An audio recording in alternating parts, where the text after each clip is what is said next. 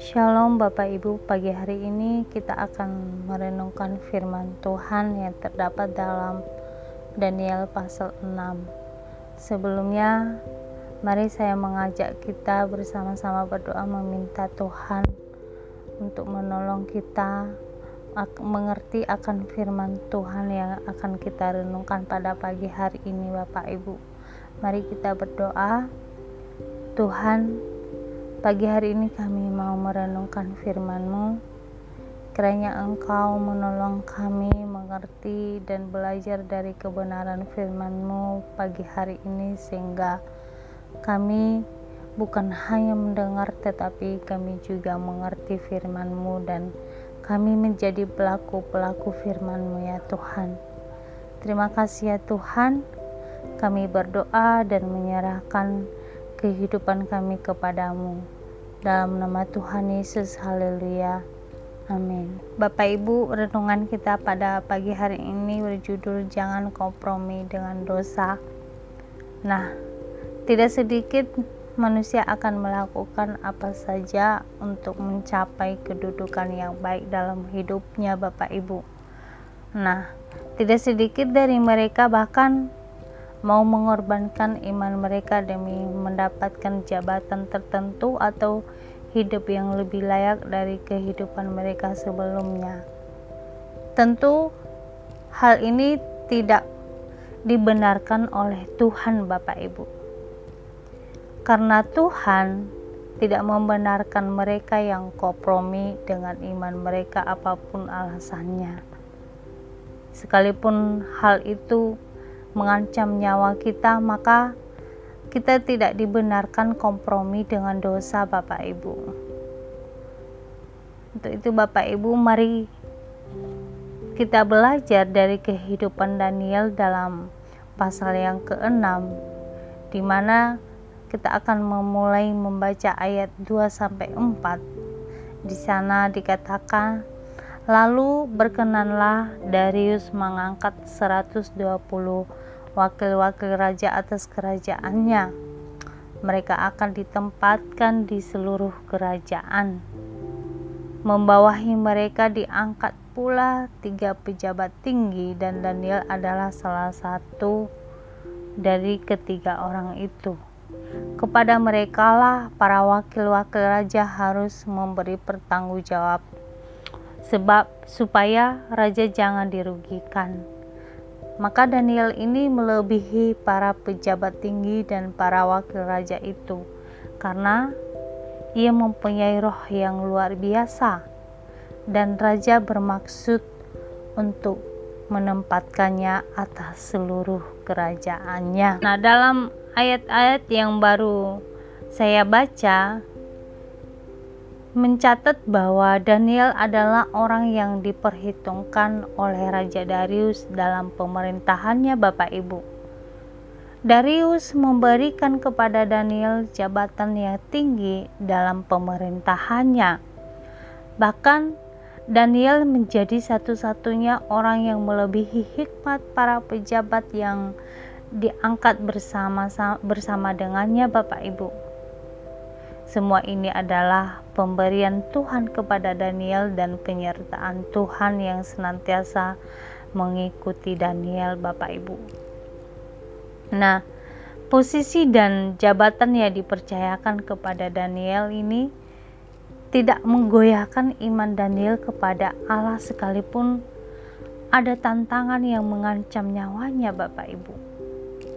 Kita melihat di dalam ayat 5 sampai 10 di sana bahwa di antara para pejabat ada yang tidak menyukai Daniel sehingga mereka mencoba mencari celah untuk membunuh Daniel dengan membujuk raja untuk menetapkan peraturan agar semua orang harus menyembah kepada raja. Kemudian raja mengeluarkan perintah siapa yang tidak menyembah raja akan dibuang ke gua yang dipenuhi singa. Nah, Bapak Ibu yang terkasih, Apakah Daniel tunduk kepada perintah raja dan kemudian kompromi dengan dosa? Dalam ayat 11 sampai 12 dikatakan demi didengar Daniel bahwa surat perintah itu telah dibuat, pergilah ia ke rumahnya. Dalam kamar atasnya ada tingkap-tingkap yang terbuka ke arah Yerusalem. Tiga kali sehari ia ber berlutut berdoa serta memuji Allahnya seperti yang biasa dilakukannya. Lalu orang-orang itu bergegas-gegas masuk dan mendapati Daniel sedang berdoa dan bermohon kepada Allahnya.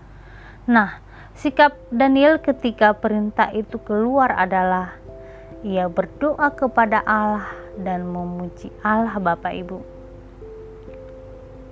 Bapak Ibu yang terkasih, Daniel tidak takut akan kehilangan jabatan dan nyawanya. Ia memilih untuk tidak menjual imannya demi keselamatan nyawanya dan demi mempertahankan jabatannya Bapak Ibu. Ia menyadari bahwa semua yang ia miliki adalah pemberian dari Allah dan ia yakin Allah sanggup menolong dia dari singa-singa yang ada di gua tersebut Bapak Ibu. Nah, keyakinan Daniel benar-benar terjadi bahwa Allah menolong Daniel sehingga singa-singa tidak memakannya Bapak Ibu. Di ayat 22 sampai 23 dikatakan, lalu kata Daniel kepada raja, "Ya raja, kelalah hidupmu. Allahku telah mengutus malaikatnya untuk mengutupkan mengatupkan mulut singa-singa itu sehingga mereka tidak mengapa-ngapakan aku. Karena ternyata aku tak bersalah di hadapannya tetapi juga terhadap tuanku ya raja aku tidak melakukan kejahatan Bapak Ibu apa yang dapat kita pelajari dari kisah ini Bapak Ibu. Hal yang dapat kita pelajari bahwa Allah akan membela mereka yang tidak kompromi dengan dosa. Kemudian yang kedua yang dapat kita pelajari dari kisah ini Bapak Ibu, bahwa jabatan dan kedudukan adalah pemberian Allah sehingga kita tidak perlu terikat dengan hal itu Bapak Ibu. Ada amin Bapak Ibu. Demikianlah renungan kita hari ini. Mari kita berdoa. Tuhan Yesus, terima kasih untuk firman-Mu pada pagi hari ini. Kami belajar bahwa kami tidak boleh terikat dengan jabatan atau kedudukan kami sehingga iman kami tidak mudah digoyahkan oleh apa pun ya Tuhan. Kami juga belajar dari Daniel bahwa Allah akan membela mereka yang mengutamakan Allah dibandingkan hal-hal apa pun. Terima kasih ya Tuhan, kiranya Engkau senantiasa menyertai kami dan membawa kami kepada pertumbuhan iman yang sesuai dengan apa yang Tuhan kehendaki. Kami berdoa menyerahkan hari ini semua aktivitas kami ke dalam tangan-Mu. Terima kasih ya Tuhan. Dalam nama Tuhan Yesus, haleluya. Amin.